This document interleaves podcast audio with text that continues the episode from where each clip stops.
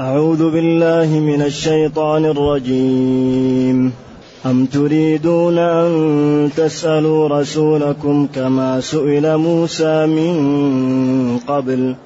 ومن يتبدل الكفر بالإيمان فقد ضل سواء السبيل. ود كثير من أهل الكتاب لو يردونكم من بعد إيمانكم كفارا حسدا كفارا حسدا من عند أنفسهم من بعد ما تبين لهم الحق. فاعفوا واصفحوا حتى يأتي الله بأمره إن الله على كل شيء قدير وأقيموا الصلاة وآتوا الزكاة وما تقدموا لأنفسكم من خير تجدوه عند الله إن الله بما تعملون بصير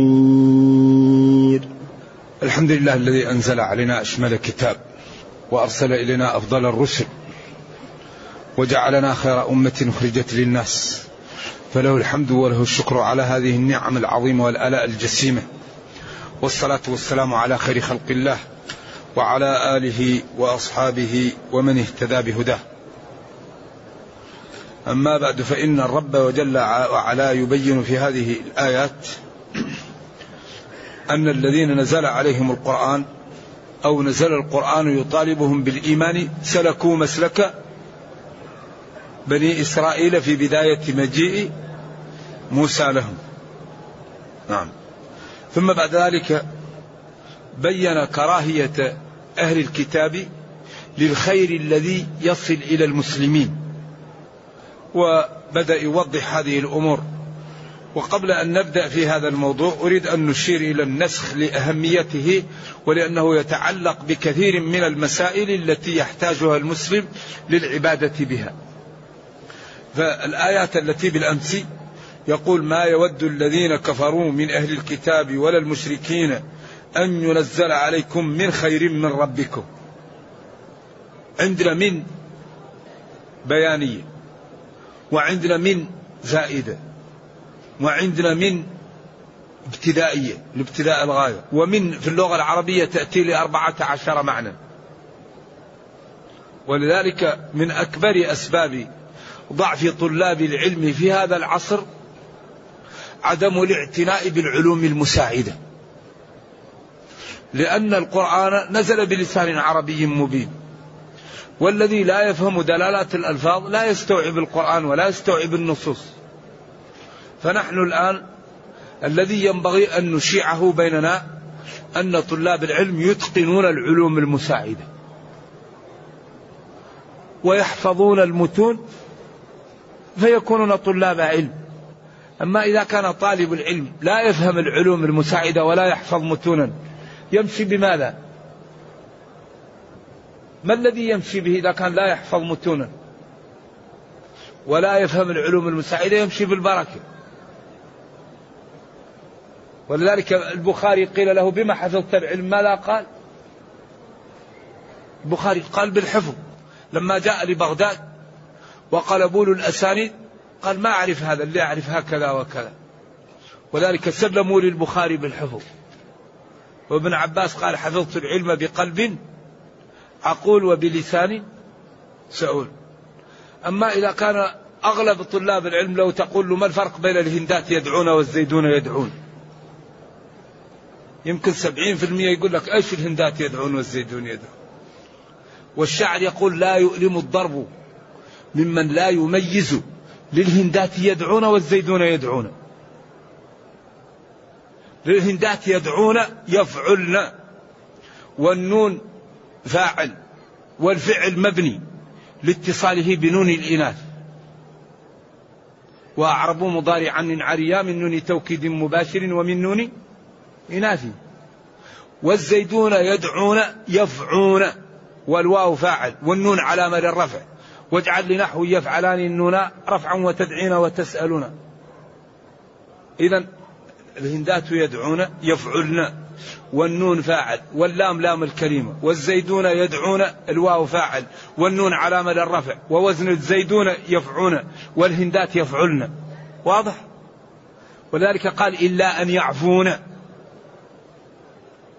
طبعا كثير من المشا... من الناس الدارسين لو تقول له هذا ما ولذلك مشكلتنا الكبيرة أننا لا نعتني بالنحو ولا بالصرف ولا بأصول الفقه ولا بمصطلح الحديث ولا بما يجمل الكلام وبما يقبح الكلام.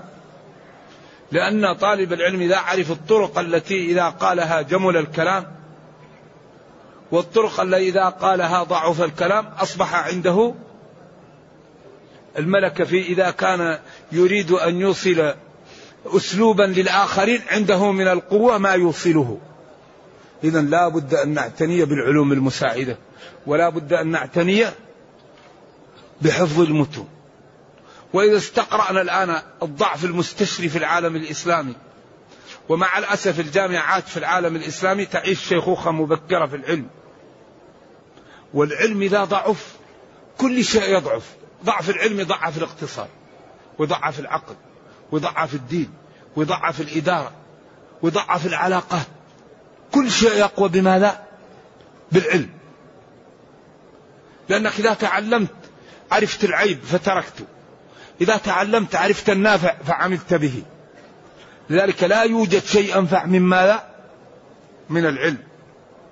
وأظن الكتيب التي الذي عربه مكتب التربية لدول الخليج. في بداية الثمانينات. كتيب مكتوب عليه بسهام أحمر أمة مهددة بالخطر. 19 خبير أمريكي جلسوا 18 شهر وعملوا استبيان في الولايات المتحدة وقالوا لماذا سبقت اليابان أمريكا في الصناعة. وعملوا استبيان بهذا.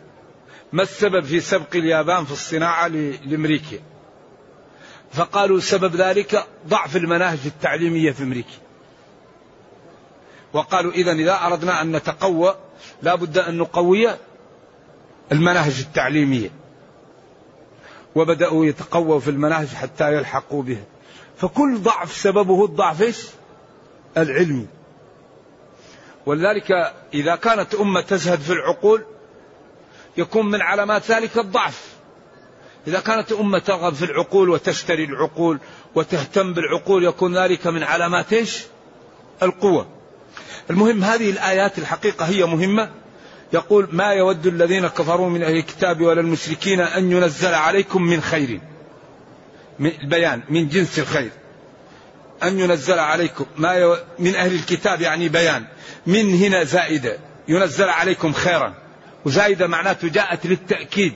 في فرق بين الزيادة والحشو. الحشو لا يجوز أن يكون في القرآن. أما الزيادة فالحرف له ثلاثة تعلقات. حروف الجر.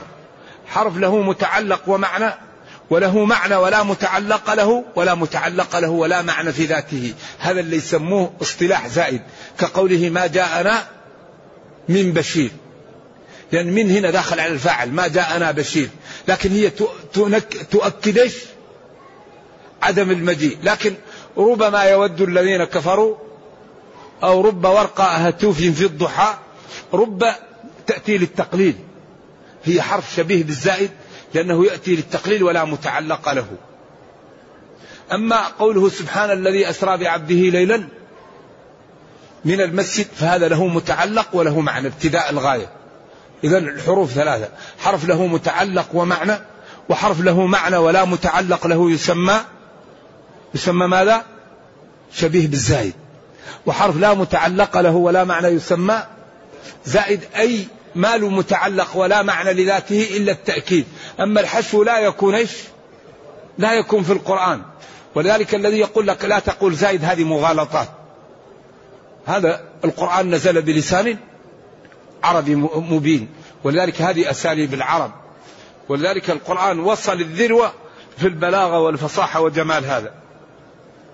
ثم قلنا إن النسخ هو رفع الحكم الشرعي بماذا؟ رفع الحكم الشرعي بماذا يا مشايخ؟ بدليل شرعي يكون فيه يكون فيه سبق أو يكون فيه دور.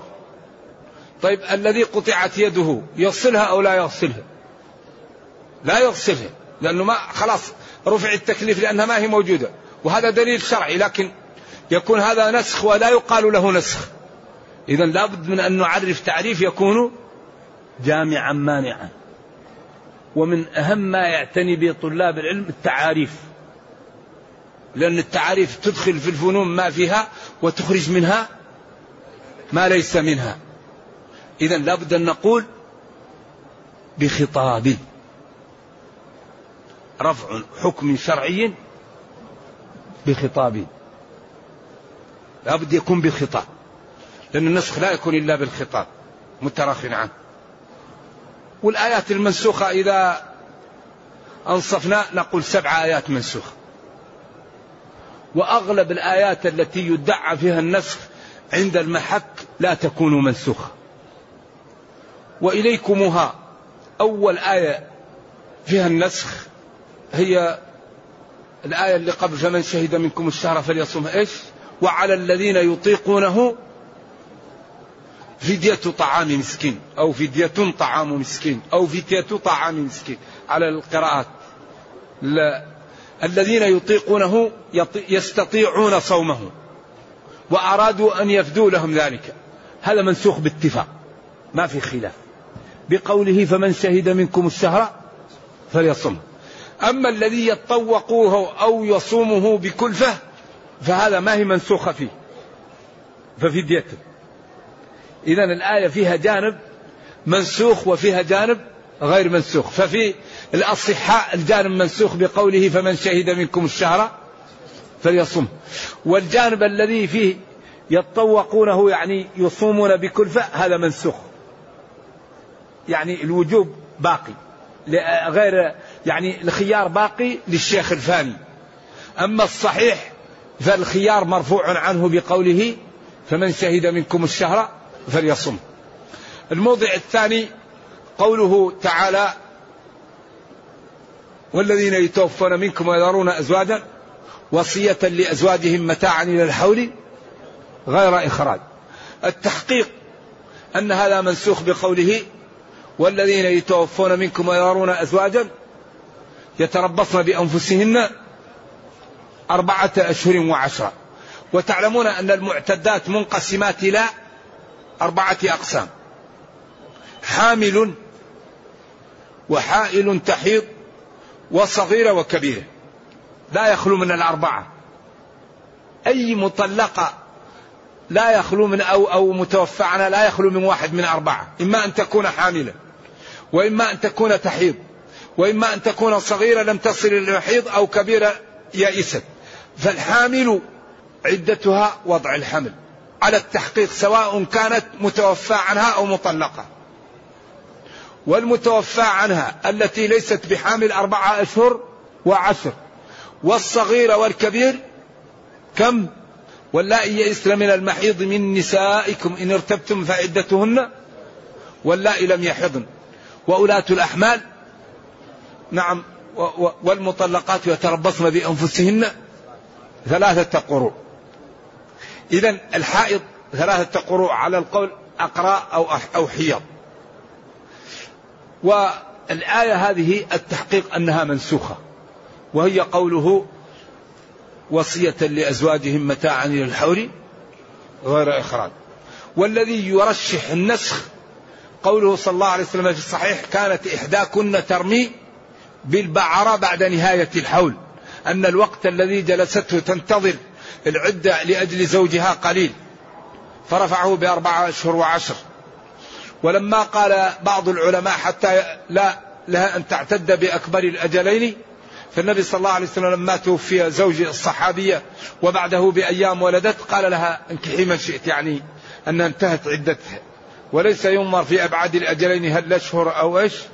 أو نهاية الحمل. لا مو صحيح. وإنما أولاة الأحمال أجلهن أن يضعن حملهن. الآية الثالثة آية النساء. واللاتي يأتين الفاحشة من نسائكم فاستشهدوا عليهن فإن شهدوا فأمسكوهن في البيوت حتى يتوفاهن الموت ويجعل الله لهن سبيلا. واللذان يأتيانها منكم فإن تابا وأصلحا فأعرضوا عنهما. هذه الآية فيها إشكال. واللذان هنا واللاتي يأتين قالوا اللذان يأتيانها منكم من البكر والبكرة. واللاتي يأتين الفاحشة هنا الأصل للنساء لكن معهم أيضا الثيب والثيبة يعني على أقوال للعلماء. المهم هذه الآية التحقيق أنها نسخت بآية النور. الزانية والزاني. فاجلدوا. وبضميمة حديث عبادة بن الصامت في صحيح مسلم خذوا عني خذوا عني البكر بالبكر جلد مئة والتغريب عام والثيب بالثيب جلد مئة والرجم. ولذلك المحققون يقولون يكتفى بالرجم عن الجلد لقوله واغد يا أنيس بامرأة هذا فإن اعترفت فارجمها. ما قال فاجلدها ولعلي رضي الله عنه رأي في هذا شراحة جلدها بكتاب الله ثم رجمها بسنة رسول الله ولكن هذا مرجوح وكذلك ماعز لما اعترف التفت عنه. ثم التفت عنه ثم التفت عنه ثم قال أبيك جنون؟ فقال ارجموه فلما لقته الحجارة جرى عنهم فقال لو تركتموه لأنه اعترف على نفسه. ولذلك ال ال من يأتى شيئا من هذه القاذورات فليستتر بستر الله. فإذا أقام نفسه للإسلام لازم أن يوقع عليه الحد. لكن قبل أن يصل ويثبت الستر أولى. إلا من كان إيمانه قوي كالغامدية وكالذي قالت له طهرني. فقال تاب التوبة لو قسمت على أهل المدينة أو سبعين لكفتهم. نعم. لكن الأولى أن الإنسان يستر على نفسه ويتوب إلى الله لأن من تاب تاب الله عليه. الآية الرابعة آية الأنفال. الآن خفف الله عنكم وعلم أن فيكم ضعفا. نعم. إن يكن منكم عشرون صابرون يغلبوا مئتين. بعدين قال الآن خفف الله عنكم ورفعها بأن واحد يقابل الاثنين. الآية اللي بعد هذه آية لا النور ما فيها منسوخ قال وأنزلنا فيها آيات. النور لا نسخ فيها لأن كل آياتها بينات واضحة. لا لبس فيه آيات بينات وفرضناها أي أوجبناها. آية المدثر قيام الليل. وقال إيش؟ إن ربك يعلم أنك تقوم أدنى مزمل. إيش اللي بعدها؟ فاقرأوا ما تيسر منه. وبقي الوجوب للنبي صلى الله عليه وسلم نافلة لك أي زيادة لك على أمتك على أحد القولين اللي هو قيام الليل نافلة له وجوب زائد على أمته. ولذلك قال له ربه فإذا فرغت فانصب. نعم. الآية السابعة أو الأخيرة آية المجادلة. وهذه هي التي لم أقف على نسخ فيها. وهي قوله تعالى يا أيها الذين آمنوا إذا ناجيتم الرسول فقدموا بين يدي نجواكم. صدقة. إلى أن قال أشفقتم أن تقدموا بين يدي نجواكم صدقات فإن لم تفعلوا وتاب الله عليكم. رفع الوجوب بالندب أو الإباحة. نعم. هذه هي الآيات منسوخة. هناك آيات اشتهر على ألسن المفسرين أنها منسوخة.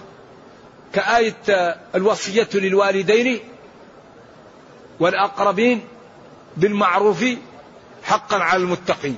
جمهور العلماء يقولون هذه الآية منسوخة بقوله لا وصية لوارث وللرجال نصيب مما ترك الوالدان والأقربون وللنساء نصيب مما ترك الوالدان والأقربون مما قل منه أو كثر نصيبا مفروضا. الجمهور يقولون هذه الآية اللي هي يوصيكم الله في أولادكم نسختها بضميمة لا وصية لوارث نسخت آية الوصية للوالدين والأقربين. ولكن كبير المفسرين ابن جرير الطبري رحمه الله يقول إن الجمع بين النصوص واجب إذا أمكن. وأن الجمع هنا واجب فلا يصار إلى النسخ. وإيضاح ذلك أن الوالدين والأقربين ممن ليسوا بوارثين تجب لهم الوصية. عندك أب حي وعندك جد حي فتوصي للجد. عندك لا سمح الله أب غير مسلم أو جد غير مسلم أو أب أو جد رقيق. فعند الموت توصي لهؤلاء وتكون الآية لا نسخ فيها ويمكن بذلك الجمع بين بين النصوص. الآية الأخرى التي هي من أكثر الآيات إشكالا آية الأحزاب. اللي هي يا أيها النبي إنا أحللنا لك أزواجك اللاتي آتيت أجورهن وما ملكت يمينك مما أفاء الله عليك وبنات عمك وبنات عماتك وبنات خالك وبنات خالاتك اللاتي هاجرن معك وامرأة مؤمنة إن وهبت نفسها للنبي. إلى آخر الآيات المقطع هذا المقطع فيه من العلماء من قال أول الآية منسوخ ومنهم من قال آخر الآية منسوخ. ومنهم من قال أولها منسوخ بآخرها ومنهم من قال آخرها منسوخ بأولها. والذي يظهر مع قلة قائله وغموضه أن الآية لا نسخ فيها ما فيها شيء منسوخ. وإيضاح ذلك أننا نقول يا أيها النبي إنا أحللنا لك أزواجك اللاتي آتيت أجرهن هذا صفة بيانا للفضلية لا مفهوم لها. وبنات عمك وبنات عماتك اللاتي هاجرن معك هذه الصفة للفضلية لا مفهوم لها. وما ملكت يمينك مما أفاء الله عليك هذه الصفة للفضلية لا مفهوم لها. بدليل قوله وامرأة مؤمنة إن وهبت نفسها للنبي إن أراد النبي أن يستنكحها خالصة هذه أدخلت كل مسلمة. لأن هذه نكرة في سياق الإثبات تعم على سبيل البدلية. أي امرأة مؤمنة إن وهبت نفسها للنبي وأراد النبي ذلك فله ذلك. إذا هذا دل على أن اللاتي آتيت أجورهن و واللاتي هاجرن معك. وما ملكت يمينك مما أفاء الله عليك. هذه الصفات لبيان فضلية هذا النوع لا لأن المفهوم لا لا يجوز ولا ولا يباح. مفهوم هذا ولا لا؟ والله نزيد القضية إيضاح أو نترك الموضوع. ساعدوني عشان إذا كان إيش؟ أصلا المفهوم هو ما يفهم من النطق لا في محل النطق. والمنطوق ما يفهم من النطق في محل النطق. لأن الكلام المفهوم مثلا قول النبي صلى الله عليه وسلم في الغنم السائمة زكاة. المفهوم أن غير السائمة إيش؟ لا أيوة لا زكاة فيها. هذا مفهوم مخالفة في مفهوم موافقة. فلا تقل لهما أف. إذا نضربهم. إذا هذا يقال له مفهوم لكن هذا مفهوم موافقة. قد يكون مساوي وقد يكون أدنى وقد يكون أعلى.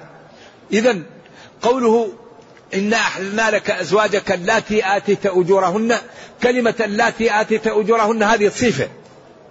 هل هذه الصفة مفهوم أنه الأزواج الذي لم يعطي أجور لا تحل له أو لمبيان فضلية هذا النوع؟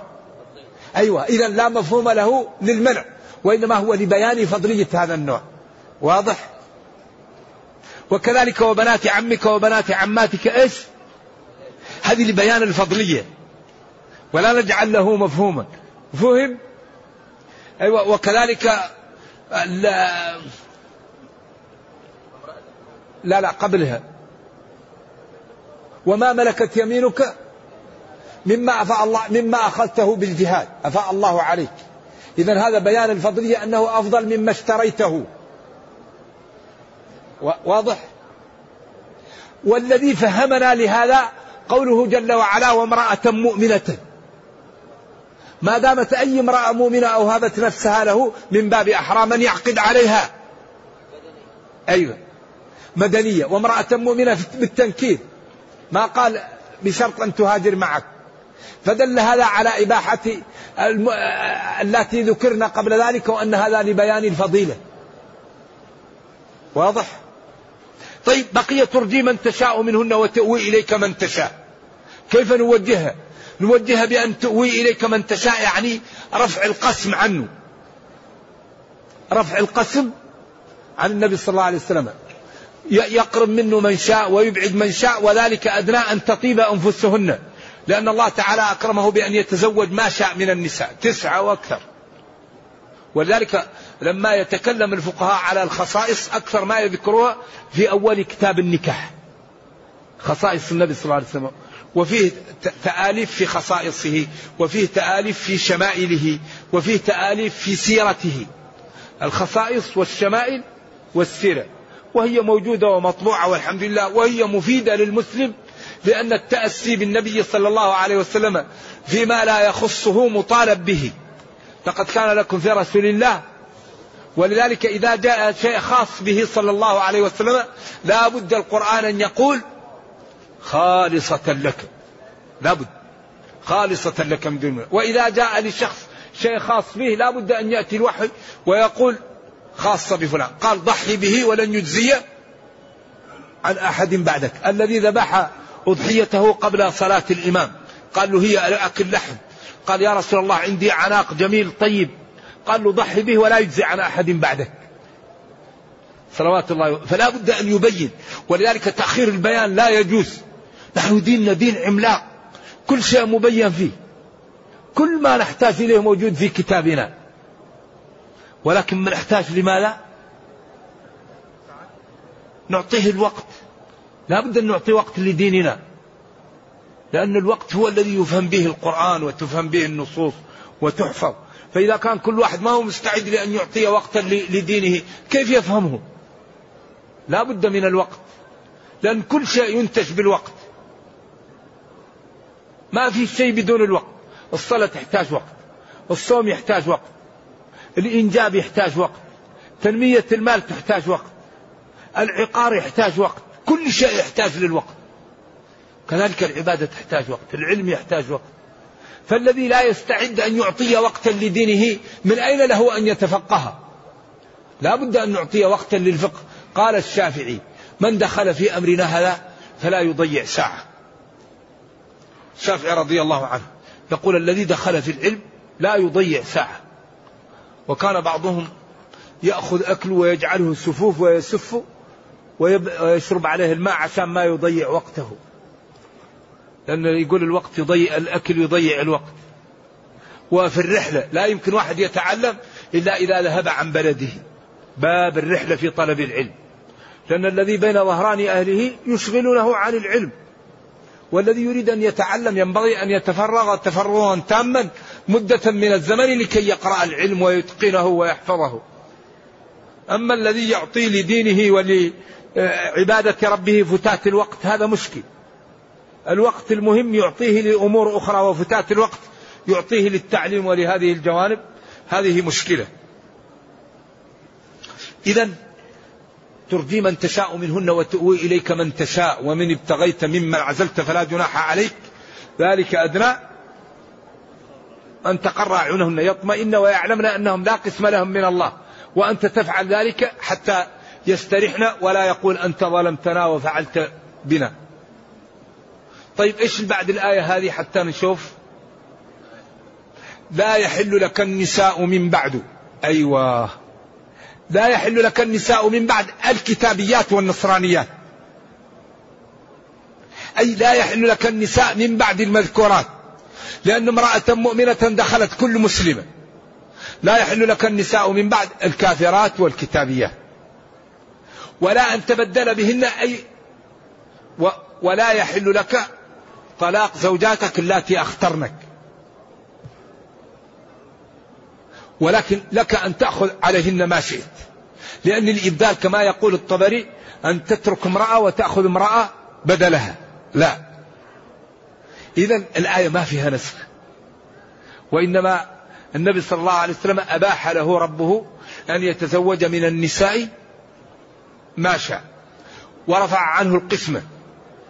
وزاده أن أي امرأة مؤمنة وهبت نفسها وأحبها وقبلها يقبلها. كما أن زينب بنت جحش لما زوجها له ربه وبين العلة في ذلك وعاتبه الله وما يقوله المفسرون خطأ واضح الخطأ والقرآن يبين خطأه. لأن قال الله وإذ تقول للذي أنعم الله عليه بالإيمان وأنعمت عليه بالعتق أمسك عليك زوجك. لأن لما أراد الله أمرا هيأ له أسباب أصبح زيد وزينب بينهم بعض الأشياء فجاء زيد واشتكى زينب للنبي صلى الله عليه وسلم. والنبي صلى الله عليه وسلم أخبره ربه أن زينب تكون له زوجا فقال له اتق الله وامسك عليك زوجك. فعاتبه ربه بقوله أمسك عليك زوجك بعد إخبار الله له بأنها تكون له زوجة. ولذلك قال وتخفي في نفسك إيش؟ والله ما ابدى أن النبي صلى الله عليه وسلم أحب زينب. فلو كان أحبها لأبداها. وقال وتخفي في نفسك إيش؟ والذي أبدى الله التزويج لها. ولذلك ما قاله المفسرون أنها وقعت في قلبه وقال سبحان مقلب القلوب النصوص ترده. الله لا يخلف الميعاد. وقال وتخفي في نفسك والذي أبدى الله زواجه بها. فلما قضى زيد منها وطرا وبعدين بين العلة لكي لا يكون على المؤمنين حرج في أزواج أدعيائهم إذا قضوا منهن وطرا. اذا أغلب الآيات التي يدعى فيها النسخ لا يثبت فيها النسخ ولذلك ما يقوله كثير من العلماء أن آية السيف نسخت 120 آية هذا كلام يحتاج إلى تأمل وإنما ذلك بيان لأن الإحسان مطالب به في كل شيء والرفق مطالب به وعدم مقابلة الإساءة بالإساءة مطالب بها. حتى أن الإنسان إذا أراد أن يذبح مطالب بالإحسان. إذا قتلتم فأحسنوا القتلة وديننا دين السماحة. دخلت امرأة النار في هرة. ودخلت امرأة من بني إسرائيل. بغي الجنة بسبب كلب. وجعل في كل كبد. أجر. فحقوق الحيوانات وحقوق الإنسان سبق لها الإسلام. وكل خير سبق له الإسلام. لكن المسلمون نائمون. نحن دائما نائمون فإذا اكتشف شيء نفتح المصحف ونقول هذا موجود في كتابنا. طيب ليش ما نطلع قبل أن يكشفوهم؟ ولذلك أغلب الأشياء اللي تكتشف نجدها في الكتاب. أحسن رياضة في الدنيا الصلاة. لا يوجد رياضة.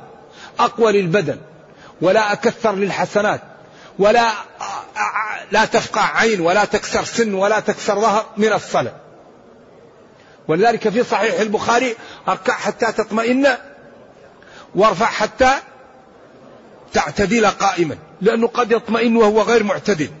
وإذا ركعت تركع على أسبع سبع أعضاء حتى تدخل الدورة الدموية في الأعين وفي الأنف فيصبح الإنسان مليء بالحسنات وجهه نظير. والذي يصلي لا يصاب بمرض الصلوين. العرقان اللذان في الظهر يفتك بالكفار لأنهم لا يعرفون السجود. فأكبر رياضة الصلاة. تصحح البدن وتكثر الرصيد. وبعدها كل يوم يغسل الإنسان أطرافه. ولذا المسلمون لا يصابون بفقد المناعة ولا بالسيلان ولا بالزور لأنهم يغتسل. ما بالك بشخص نهر يغتسل منه خمس مرات في اليوم. لذلك ديننا دين الطهارة. دين النزاهة دين العدل ولكن يحتاج إلى أن نعمل به ونظهره للناس. الآن ثبت طبيا وعلميا أن كشف المرأة لجسمها يفقدها مادة الأنوثة. يعني المرأة تحتفظ بأنوثتها بالستر. فإذا كشفت المرأة عن جسمها الهرمون المؤنث يقتله الضوء والشمس. فينبت بدل الهرمون المؤنث هرمون المذكر. فتأتي العضلات ويأتي الشعر. فالمرأة لا تشتهى ولا تتزوج. فتبقى بدون أولاد. إذا ربنا قال يدنين عليهن. وهذه اكتشاف اكتشفته إسبانية قبل مدة وجيزة. قالت للنساء يا نساء استرن أجسادكن فإن كن إن كشفتم عنها. هذا مما يسبب للمرأة الترجل. فإذا ترجلت المرأة تبقى بدون زوج. لأن الرجل لا يحب إلا المرأة إلا, إلا من كان عنده فطرة أعوذ بالله غير سليمة كالمثليين هؤلاء الذين نرجو الله السلام والعافية. الذي فسدت فطرته. هذا أمور هذا إنسان مريض. لذلك كل ما يكتشف شيء تجد أن القرآن دعا إليه. الربا الآن. اقتصاديون ألمان قالوا إن لم تحارب الفائدة فالعالم في دمار. الله قال 14 قرن ذروا ما بقي من الربا فإن لم تفعلوا فأذنوا بحرب. هم قالوا أخطر شيء على الكرة الأرضية الفائدة. بالحساب. قالوا لأن في النهاية كل أموال الناس تبقى بيد شخص واحد وهذا يسبب كوارث للناس. فلذلك ديننا تبيان لكل شيء وكل ما نحتاج إليه موجود فيه. إذا النسخ ثابت. والله قال وإذا بدلنا آية مكان آية والله أعلم بما بما ينزل. قالوا إنما أنت مفتر. وقال هنا ما ننسخ من آية أو ننسها نأتي بخير منها أو مثلها. ون لا لا ما فيها نسخ لأن النسخ إذا لم يكن الجمع ولكن هذا يسمى تخصيص. أيوة إن تبدوا ما في أنفسكم أو تخفوه يحاسبكم به الله لكن بين أن الذي في النفس إذا لم يقدم الإنسان لا يحاسب به إذا لم يكن العزم المصمم. إذا التقى المسلمان بسيفيهما فالقاتل والمقتول في النار. قالوا هذا القاتل فما بال المقتول؟ قال إنه كان حريصا على فالعزم المصمم مثل الفعل. لكن من هم بحسنة ولم يعملها كتبت له حسنة. ومن هم بسيئة ولم يعملها أيوة. فإن تركها إلا كتبت له. ولكن العزم المصمم مثل الفعل. أيوة. هذاك النية النية. إنما الأعمال بالنيات. ولذلك قال لا يكلف الله نفسا. فالذي يكون الإنسان لا يملكه. ولذلك قال اللهم هذا قسمي فيما أملك. أيوة. لأنه محبة عائشة أكثر من غيرها. هذاك خاص بالحرم. الحرم له خصوصيات. لأن صلاة واحدة في الحرم خمسة وخمسين سنة وخمسة شهور وسبعة عشر يوم. أجر عظيم صلاتين مية وعشر سنوات. والغنم بالغرم فالحرم له. ولذلك قالوا لا يضاعف فيه السيئات ولكن بدل من يضربك واحد ضعيف يضربك أقوى الناس. يكون صوت لكن صوت يسوي مئة صوت تغلظ فيه السيئة. جمع بين الأدلة من جاء بالحسنة فله عشر أمثالها ومن جاء بالسيئة فلا يجزى إلا مثلها. إذا هذا النسخ أصله مادة ثقيلة شوية والكلام فيه فيه صعوبة. وقلنا كتاب أبي عبيدة يعني هذا المتوفى سنة 224 ليس المتوفى 420 هذا له كتاب جيد وكتاب مكي وكتاب ابن الجوزي. وفيه شيخنا الله يرحمه الشيخ مصطفى زيد. توفي في بداية القرن الماضي في نهاية القرن الماضي وهو أيضا كتاب جمع فيه جيد وكلها لا يخلو من بعض الملحوظات. ونرجو الله جل وعلا أن يبصرنا بالحق ويرزقنا اتباعه. هنا يقول أم تريدون أن تسألوا رسولكم؟ هذه أم المنقطعة وهي بمعنى بل والهمزة الإنكار. بل أتريدون أن تسألوا رسولكم؟ كما سئل موسى من قبل قالوا له اجعل لنا إلها. قال إنكم قوم وهم قالوا اجعل لنا ذات أنواط. قال إنكم قوم تجهلون إنها السنن. ولذلك الإسلام لا يعذب إلا بعد قيام الحجة. لا يعذب إلا بعد قيام الحجة. أبدا. وأغلب من يدخل النار الكفار الذين جاءتهم الرسل وكذبوا. لأن الله يقول وما كنا معذبين وقال رسلا مبشرين ومنذرين وقال في حق أهل النار أعاذنا الله وإياكم منها كلما ألقي فيها فوج أيوة قالوا قد جاءنا هنا محل إضمار أظهر ما قال قالوا بلى جاءتنا قالوا بلى قد جاءنا نذير فكذبنا لأن دخول جهنم أمر عظيم فلذلك لا عذر لنا بعد هذا الكتاب. الذي يدخل جهنم لا عذر له لأنه لا يدخلها إلا بعد أن تقام عليه الحجة. لذلك ينبغي لكل واحد منا أن يبادر يبادر بالتوبة يبادر بمعرفة خطورة الدنيا. الدنيا اليوم وبكرة وبكرة واليوم حتى الواحد يجر للقبر. فإذا هو لم يعرف أن العبادة لا تقبل إلا إذا كانت على مواصفات معينة. هذا دين. ألف لام حسب الناس. أيوة لابد. لابد أن نعرف المواصفات اللي تقبل عليها العبادات لا بد أن نتعامل التعامل الذي طلبه منا ربنا مع والدينا ومع أبنائنا ومع المسلمين ومع الأعداء ومع كل شيء تبيان لكل شيء. أما الإنسان لا يبالي بدينه ويكون بصير بدنياه هذا مشكل. في الدنيا بصير. تسأله الآن عن الأسهم يقول لك سهم كذا ارتفع سهم كذا نزل هذا سقط. تسأله عن مبطلات الصلاة يقول لك أه؟ أركان الصلاة. أركان الصلاة ما نعرفها وكل الأسهم هنا في البلد كم سهم؟ والله يمكن يكون يعرف كل أسهم العالم. وأركان الصلاة لا يعرفها شروط الصلاة لا يعرفها. شروط الصلاة وأركان الصلاة لا تعرفها. وكل الأسهم تعرفها إذا ارتفعت وإذا نزلت. هذا ما ينبغي هذا ما هو إنصاف. والله ما ضمن لك الجنة وإنما ضمن لك الرزق. وما من دابة في الأرض.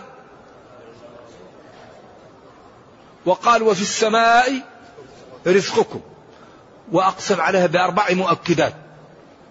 لما لا يؤكدن في السماء رزقنا؟ لماذا؟ لأن ما في دكان في السماء. وما في وظيفة في السماء ولا في مزرعة في السماء ولا فيه منجرة ولا في مخرطة. قال فورب السماء والأرض. إنه لحق مثل ما أنكم تنطقون. أربعة مؤكدات. لأنه إذا قلت الواحد رزقك في السماء يقول لك كلام فين رزقي في السماء؟ والعرب لا تؤكد إلا ما عليهش. إنكار الكلام الغير منكر لا يؤكد.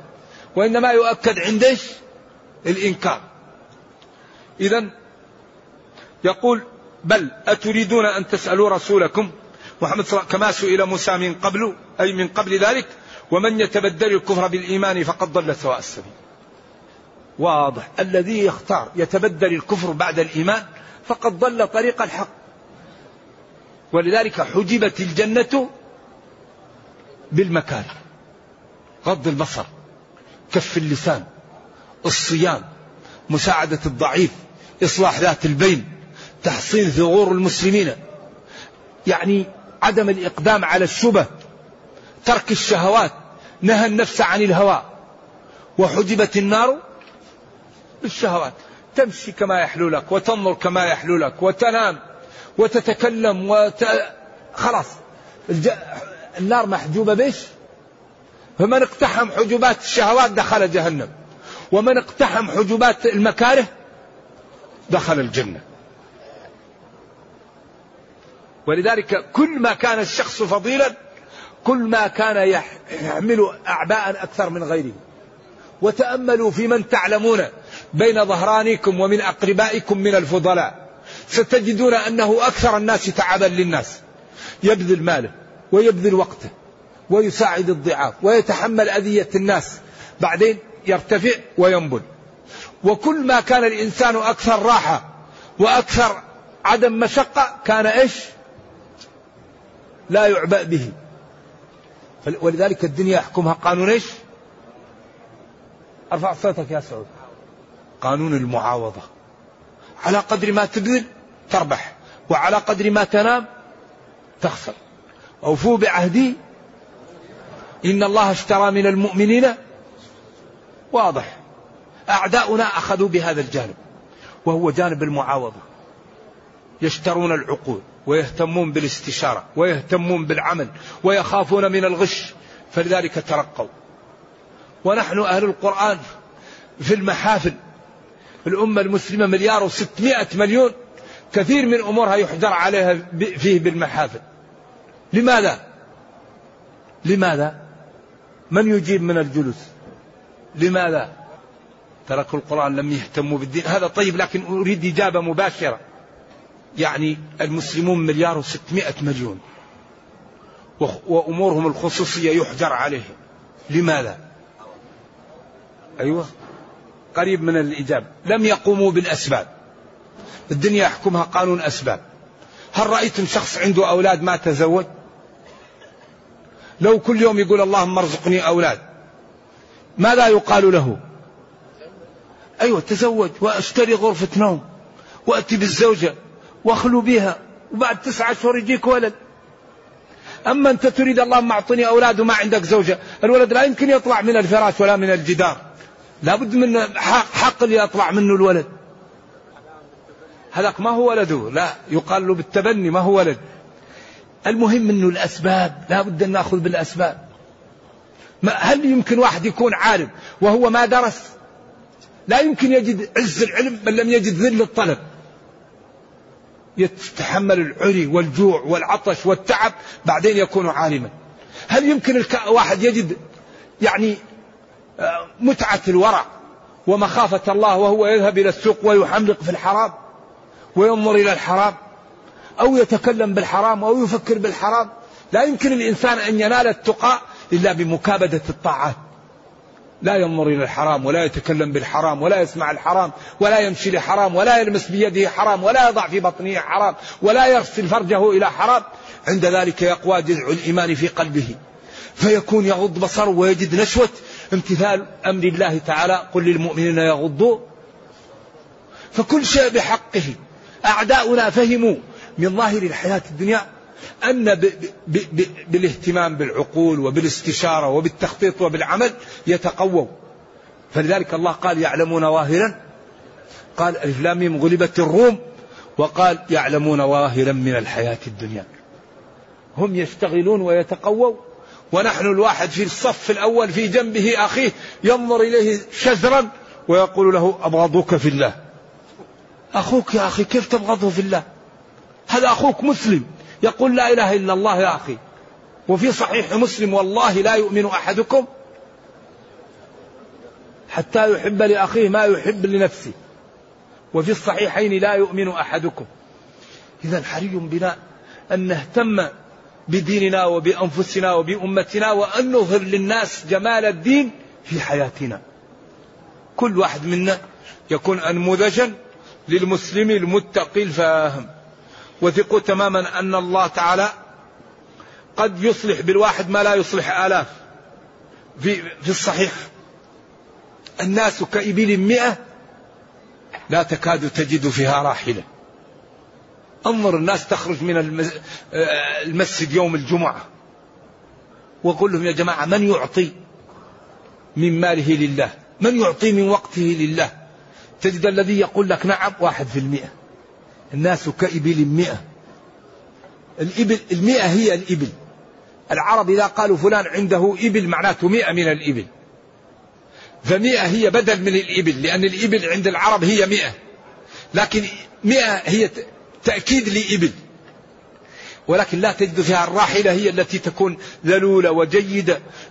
فكأن الناس المئة منها لا يكون فيها واحد مكتمل الشروط صاحب دين وصاحب عقل وصاحب فزعة وصاحب نبل وصاحب محبة للخير. يعني قليل من الناس من يكون هذه صفته. ولكن بالتعلم الله يقول والله أخرجكم من بطون أمهاتكم وجعل لكم أعطاكم موارد العلم ليش؟ لشكر الله لأن تستعملها في طاعة الله. ما هو لتنظر إلى الحرام وتفكر في الحرام؟ أو لتسمع الحرام. وجعل لكم السمع والأبصار والأفئدة لعلكم تشكرون. هذه موارد لشكر الله. ولذا قال أولم يروا إلى الطير مسخرات في جو السماء ما يمسكون إلا الله. هذا الدين سبحان الله عجيب. النووي لم يفهم ولا تتركن القلاص فلا يسعى عليها. والذي نفسي بيده ليبعثن فيكم ابن مريم حكما عدلا. فلا يكسرن الصليب ولا يضعن الجزية ولا تتركن القلاص فلا يسعى عليها. ظن أنها بين النفختين وإذا العشار عطلت. القلاص تعرفها؟ ما تعرف القلاص؟ القلاص النوق الإبل وهي سفينة الصحراء. ما استوعبوا أن القلاص تترك في الدنيا إلا بعد النفختين. والقلاص الآن هي تحمل في السيارات وفي السفن وترعى على على الأنيت هذا الأنيتات الآن ترعى عليهم الإبل. ما كانوا يتصوروا ولا تتركن القلاص فلا يسعى عليها. ولكن تحقق هذا. ولذلك هذا الدين دين عملاق. ولكن يحتاج منا إلى أن نعطيه الوقت ونفهمه. ود كثير من أهل الكتاب ود تمنى. كثير أي جماعة يعني ليس بالقليل. هم من أهل الكتاب اليهود والنصارى. لو يردوكم من بعد إيمانكم. تمنت اليهود والنصارى أن يعود المسلمين بعد إيمانهم كفارا. وذلك الأمر حاصل من اليهود والنصارى لأجل الحسد. ليس لأجل مصلحة ولا لأجل منفعة ولا ولكنهم رأوا أن المسلمين على مكانة عظيمة بهذا الدين فأرادوا أن تزول عنهم تلك المكانة بارتدادهم إلى الكفر. من بعد ما تبين لهم الحق كما قال أن هذا النبي مرسل وأن هذا الدين حق. أعوذ بالله. فاعفوا واصفحوا. هنا يقول لك هذه منسوخة بقاتل المشركين. عفوا واصفحوا. لا تبادل السيئة بالسيئة. ولا تبادل الإساءة بالإساءة. ولا القول البذيء بالقول البذيء. حتى يأتي الله بأمره. أيوة حتى يأتي الله بأمره هو الأمر بالقتال. أو أن يوبقهم الله ويهلكهم. إن الله هذا تأكيد. على كل شيء أراده قدير. قادر. أمره إذا أراد شيئا أن يقول له كن فيكون. ثم قال وأقيموا الصلاة وآتوا الزكاة وما تقدموا لأنفسكم من خير تجدوه عند الله إن الله بما تعملون بصير. أقيموا الصلاة وآتوا الزكاة. هذا كناية وتعبير عن ادخلوا في الإسلام. ادخلوا في الإسلام. وبراهين دخول الإسلام هي إقامة الصلاة وإيتاء الزكاة. ثم قال اعملوا الصالحات بقوله وما تقدموا لأنفسكم من خير. كثورة أو قل تجده عند الله كما قال إلا الذين آمنوا وعملوا الصالحات. لأن العمل بدون الإيمان بدون عمل كذب. ولذلك لا يمكن الواحد يكون مؤمن ولا يعمل أبدا. لأن الإيمان آه، يأخذ صاحبه ويؤلمه في قلبه حتى يقوم يصلي. الذي عنده الإيمان لا يمكن أن يترك الصلاة. عنده إيمان وهو ما يترك الصلاة. كيف؟ لأن الإيمان هو ما خالط القلب. ولذلك لما قالوا الأعراب آمنا قل لم, لم تؤمنوا ولكن قولوا أسلمنا. لذلك الحقيقة نحن الآن أحوج ما نحتاج إليه زرع الإيمان في قلوب الناس. وكما قلت نحسن على الناس. الطيب نحسن إليه لأنه طيب والبطال نحسن إليه لإزالة البطالة عنه. فطالما استعبد الإنسان إحسانه ونرجو الله أن يجعلنا وإياكم من المحسنين. إن الله بما تعملون بصير أي بالذي تعملونه أو بعملكم. ما يمكن أن تكون موصولية ويمكن أن تكون مصدرية وهذا كثير. أي بعملكم أو بالذي تعملونه. بصير لا يخفى عليه والجملة صالحة للترغيب والترهيب. ونرجو الله جل وعلا أن يبصرنا بالحق ويرزقنا اتباعه. إنه خير مسؤول والقادر على ذلك. وصلى الله وسلم وبارك على نبينا محمد وعلى آله وصحبه. والسلام عليكم ورحمة الله وبركاته.